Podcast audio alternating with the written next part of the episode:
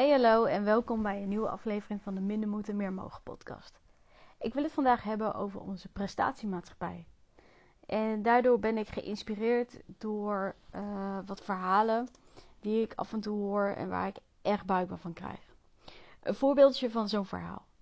Uh, dit meisje zit net in groep 3, uh, leert net vier maanden lezen en krijgt te horen dat ze traag leest. Uh, volgens de juf is ze geen hoogvlieger en één letter die schrijft ze niet helemaal goed en dus moet er training komen. Vier maanden zit in groep 3, hè? besef dat. Uh, weet je, ik kan er woest om worden als je uh, dat van zo'n meisje dit soort dingen vraagt. Uh, wat je in de, ermee in de hand werkt is namelijk onzekerheid, faalangst, perfectie, perfectionisme en misschien nog wel meer. Overdrijf ik? Ik denk zelf van niet. Zeker niet omdat uh, dit soort voorbeelden er te over zijn. En die jongens en meisjes van toen zitten nu bij een coach of therapeut. Om dat af te leren. En dat zijn heus niet alleen maar twintigers. Nee, dat zijn ook dertigers en veertigers. En zelfs nog ook vijftigers. Die daar nog steeds mee worstelen en denken: waar komt dit vandaan? Nou, dat komt er vandaan dat, uh, dat het gedrag wat je nu vandaag uh, doet, om het zo maar te zeggen. Um, als, je, als je spiritueel ingesteld bent, dan geloof je niet dat je iets bent, maar dat je iets doet. Nou ben ik niet spiritueel super ingesteld, maar ik. Nou, oké. Laten we er even uitgaan dat je inderdaad iets doet. Terugkomend op wat ik wilde zeggen. Uh, het gedrag wat je vandaag uh, uh, doet, dus, dat komt voort uit conditionering die je in de eerste acht levensjaar hebt meegekregen. Daaruit zijn patronen ontstaan en daardoor nou ja, doe je wat je doet. En we kunnen dus allemaal vaststellen dat dit niet per definitie gezond is wat hier gebeurt.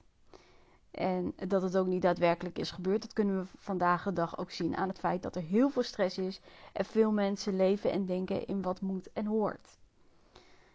Um, en waar komt dat nou vandaan? Nou, dat komt vandaan uit het fenomeen de prestatiemaatschappij. En nu vind ik van dat fenomeen heel veel. Um, en ik vind daar onder andere van uh, dat het een heel ongezond iets is. Ongezond omdat het heel veel stress bij mensen oproept, omdat er te veel gevraagd wordt, omdat je alles langs uh, cijfers en andere meetlatten moet wegleggen en daar iedereen maar aan moet voldoen. En uh, er vergeten wordt dat je ook zelf een persoon bent en dat je kwaliteiten hebt. Um, en daardoor in feite wordt gedwongen uh, je leven zo in te richten uh, die niet bij je past. En waarbij je keuzes moet maken die je niet gelukkig maken. Um, ja, en daarom is dat niet heel erg ongezond. Voor deze podcast heb ik een aantal bronnen gebruikt om een paar dingen uit te leggen. Uh, die zal ik in de show notes zetten, zodat je zelf daar ook uitgebreid uh, kunt lezen. Ik ben begonnen met de definitie op te zoeken van wat een prestatiemaatschappij eigenlijk is. Presta wat een prestatiemaatschappij eigenlijk is. En ik zat heel eerlijk gezegd met verbazing te lezen wat er werd gezegd over wat deze maatschappij dus is. Er werd namelijk gezegd dat deze maatschappij er is omdat we dit zelf willen. En in tegenstelling tot wat we hiervoor hadden, namelijk een commandomaatschappij. Daar moest iets van hoge rand. En ik vraag me af, als jij een maatschappij, als je als maatschappij zegt, ik tel mee als je een geweldige baan hebt, als je een geweldige prestatie hebt geleverd op je werk, een huis met twee auto's voor de deur hebt, minstens HBO universitair bent afgestudeerd, is er dan nog wel iets van jezelf bij? Dat geloof ik in ieder geval niet. Dit is voor mij meer elkaar opjagen. En, doordat, en daardoor ontstaat er een visuele cirkel. Visuele cirkel waarin iedereen steeds meer moet doen om bijvoorbeeld een even goed cv te hebben als de rest. Elke keer als je een cirkeltje hoger bent, wordt er, meer, wordt er meer gezegd wat je moet doen en wat er hoort. En dus blijf je in rondjes rennen. En is dat dan nog steeds vrijwillig? En is dat nog steeds iets wat je zelf wil? Dan zou je kunnen zeggen: ja, maar je bent er nog steeds bij. Maar er zit nou juist de crux. Je hebt niet door dat je in dat cirkeltje rent. Dus hoe kun je daar nou zelf bij zijn? Dan wordt er gezegd, en als je dan, als je dan onderuit gaat van... Oh, dat is je eigen fout en uh, dan had je maar niet dat moeten doen. We zijn heel snel in uh, deze maatschappij erbij om te wijzen waar het fout zit. En te zeggen van, jij doet dat fout en jij doet dat niet goed. En vervolgens om daar overheen te stappen en vervolgens lekker zelf uh, door te gaan. Maar doe nou eens een stapje terug en kijk het eens vanaf de andere kant. Kan niet je eigen fout zijn als je bent opgegroeid in zo'n maatschappij en niet eens levensles hebt gehad om ermee om te gaan? En kun je in zo'n maatschappij leven als je niet bewust van vindt, bent van hoe je die uitknop vindt? Mijn antwoord is daarop nee.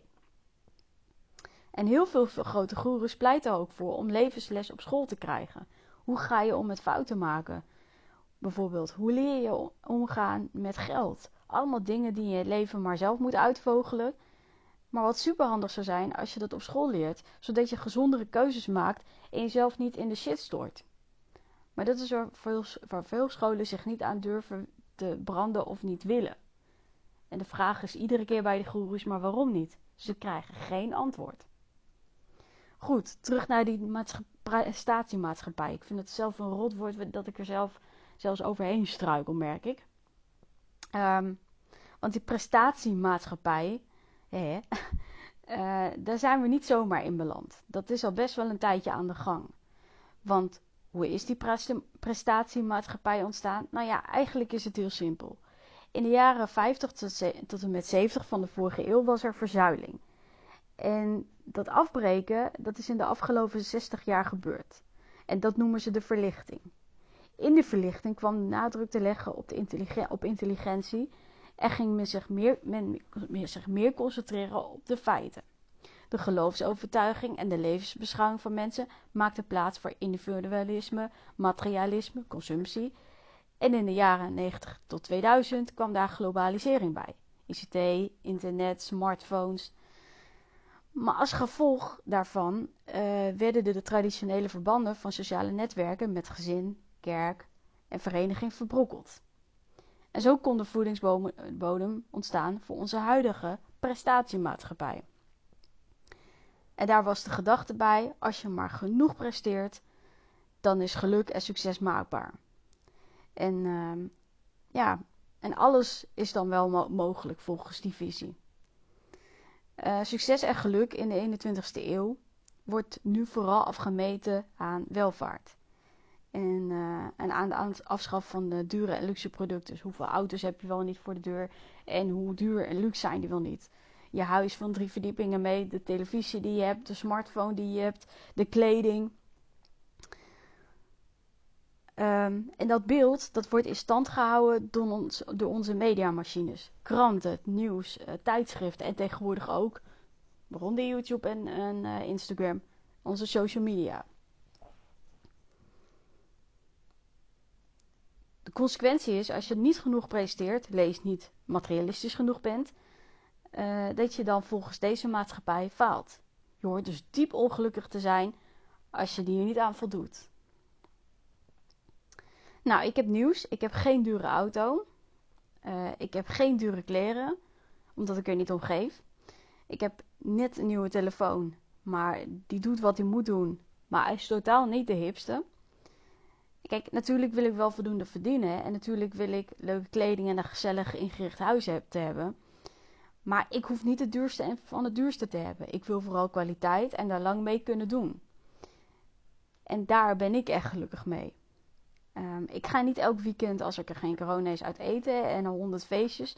Om vervolgens na het weekend te zeggen dat ik het druk had en een geweldig leven had.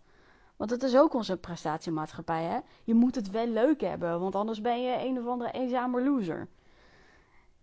Um, ik koop en doe de dingen die ik wil. Niet omdat een ander dat wil. En dat gaat niet om al die spullen die je hebt. Uh, want al die spullen hebben. Ik bedoel, je kunt een huis vol hebben met allemaal spullen. Maar wie zegt dat het jou gelukkig maakt? Ja, het maakt je even gelukkig. Maar vervolgens ja, is er ook nog iets anders. Um, wat je werkelijk namelijk gelukkig maakt, is of je gezond bent. En of je blij bent met jezelf. Of je je in balans voelt. Of ja, of de keuzes die je maakt, waar, ja, uh, die je maakt, of je daar blij van wordt en energiek. En zijn die keuzes die je dan ook maakt, die je maakt, waar je blij en energiek voor wordt, zijn dat dan ook keuzes die vanuit jou komen en niet vanuit die maatschappij. Dus het is, het is, je kunt nog zoveel materialisme bezitten, dan, dan kun je nog een leeg gevoel houden. En dat heeft ermee te maken dat je van binnen je niet gelukkig voelt. En dat is zoveel belangrijker dan wat er allemaal van buiten is. Ehm, en daarom is deze maatschappij niet alleen niet goed voor de mens, maar ook niet goed voor onze aarde. Uh, kijk, ik ben niet een milieufreak, zeker niet. Maar hierover te lezen kwam, wel bij mij, kwam bij mij wel het besef dat ik um, dat we door overconsumptie van kleding, voedsel en andere spullen en steeds meer nieuwe dingen willen hebben, we niet goed voor deze aarde zorgen. En dus als je wil dat, er, dat je duurzamer, be, uh, nou ja, duurzamer bent, dan begint dat wel bij jezelf. Uh, dat je duurzamer met je tijd en jezelf omgaat. Um, het is heel simpel. Als je niet meer in die stress wil, uh, wil hebben, dat constante gevoel van stress wil, wil ervaren. En als je niet meer wil leven in wat je allemaal moet doen, dan is het enige wat je hoeft te doen en niet meer constant aan mee te doen en deze cirkel te doorbreken. En ik, en ik kan me nu voorstellen dat je denkt: is dat echt het enige? Ja. En als je denkt: ja, maar dat vind ik lastig, ja, dat snap ik. Ik, ik denk dat het ook niet zomaar eventjes gedaan is om dat even te veranderen. Natuurlijk niet. Uh, maar de vraag is: wil je ervan af? En als het antwoord is ja, nou dan kan ik jou zeker helpen met mijn online programma Minder Moeten Meer Mogen. Want daarin ga je leren waarom je nou de hele tijd dit de hele tijd doet. Want ook al ligt er een oorzaak in deze maatschappij, er zijn wel voor jou bepaalde triggers geweest waardoor jij nu doet wat je doet. En je gaat leren wat jou blij maakt, hoe jouw keuzes maakt, die ook gezond zijn voor jou en uh, die jou een blij leven oplevert met meer rust en balans. Ik leer je eigenheid te vinden en joh, ik leer je nog zoveel meer om te zorgen dat je die cirkel kunt doorbreken en gewoon leeft in wat mag en rust en ruimte ervaart. Ja, het enige wat je hoeft te doen is voorwel tegen deze maatschappij te zeggen. Zo simpel is het. Want geloof maar, als je stopt met in die prestatiemaatschappij rond te lopen, dan hoef je niet meer het nieuwste van het nieuwste, het beste van het beste, het hoogste, die hoogste baan, het huis met drie verdiepingen, die twee super luxe auto's, voor de deur, een nieuw interieur om de deur. Nee, dan hoef je dat allemaal niet meer te hebben. Nou, hoe lekker is dat? Want weet je, alles wat je nodig hebt, dat zit al in je. Besef dat. Nou, en met dat besef wil ik je uh, bedanken voor het luisteren en een hele fijne dag wensen. En als ik je kan helpen, stuur me een berichtje. Doei!